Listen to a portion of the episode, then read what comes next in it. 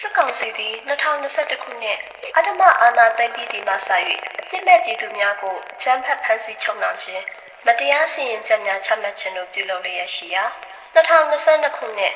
အော်တိုဘာလ14ရက်နေ့အထိမြန်မာနိုင်ငံတော်ဝန်ဖမ်းဆီးချုပ်နှောင်ခံရသူပေါင်း12655ဦးရှိပြီဖြစ်ကြောင်း AAPPE ထုတ်ပြန်ချက်အရသိရှိရပါသည်။ပြည်ထန်ချမှတ်ခံရသောနိုင်ငံရေးအကျဉ်းသားများသည်အကျဉ်းထောင်တွင်လူအခွင့်အရေးချိုးဖောက်ခံရမှုများ ညှဉ်းပန်းနှိပ်စက်ခံရမှုများတစားထက်တစားပုံမှုဆိုးဝါးစွာခံစားနေရကြောင်းကြားသိရပါသည်။၎င်းဖိနှိပ်ခံရမှုများအနက်မြန်မာနိုင်ငံ၏အကြီးဆုံးကျင်းတောင်ဖြစ်သောအင်းစိန်ဘိုးကျင်းတောင်တွင်မတရားညှဉ်းပန်းခံရမှုဖြစ်စဉ်တစ်ခုအားအများပြည်သူနှင့်တကွသက်ဆိုင်ရာတာဝန်ရှိပုဂ္ဂိုလ်များသိရှိစေရန်တင်ပြအပ်ပါသည်။ဖြစ်စဉ်မှာယခုလအောက်တိုဘာလလဆန်းပိုင်းတွင် အင်းစိန်အချင်းတောင်အတွင်းမိန်ကျူခေါ်အဆောင်တစ်တွင်နိုင်ငံရေးအချင်းသားတဦးအားအကြောင်းမဲ့မိန်လာခတ်ခိုင်းခဲ့ပါသည်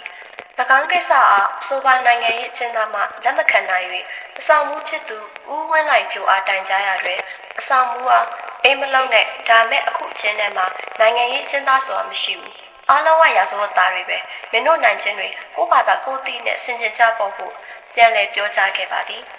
ထိုကဲ့သို့အကြောင်းမဲ့မတရားဖိနှိပ်ခံရသည့်ကိစ္စနှင့်ဆက်လျင်း၍အခြားသောအခမ်းများမှနိုင်ငံရေးအကျဉ်းသားများကလည်းမကျေနပ်သည့်အတွက်နိုင်ချင်းများ၏အခွင့်အရေးနှင့်မတရားအလုပ်လုပ်ခိုင်းသည့်ကိစ္စများကိုဆက်လက်တင်ပြကြရမှာအငင်းပွားမှုများထပ်မံဖြစ်ပေါ်ခဲ့ပါသည်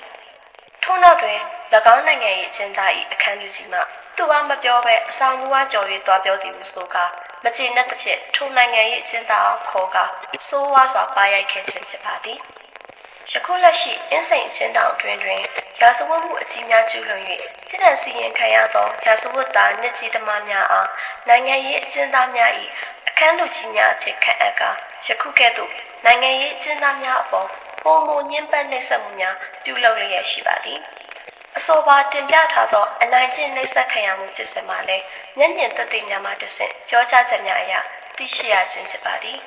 မြန်မာနိုင်ငံတော်ဝန်ရှိနိုင်ငံရေးအကျဉ်းသားအကျဉ်းသူများသည် အကျဉ်းထောင်ဝန်ထမ်းများမှသာမကအခြားသောနှစ်ကြီးသမားရာဇဝတ်သားတို့၏စိုးဝါးစွာညှဉ်းပန်းနှိပ်စက်မှုများနှင့်ပြစ်မှတ်ထားဖိနှိပ်ခံနေရပါသည်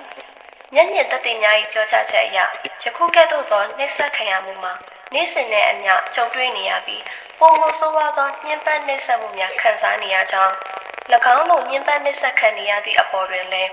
အန်ယူချီနှင့်တကွပြည်တွင်းပြည်ပရှိသက်ဆိုင်ရာအဖွဲ့အစည်းနှင့်ဌာနအသီးသီးတို့မှထိရောက်စွာအရေးယူမှုလှုပ်ဆောင်မှုများစွာလိုအပ်နေကြောင်းကျွန်ုပ်တို့မြန်မာနိုင်ငံလုံးဆိုင်ရာနိုင်ငံရေးအကျဉ်းသားအကျဉ်းသူများမဟာမိတ်တပေါင်းစုမှတစ်ဆက်ပြောကြားထားပါသည်။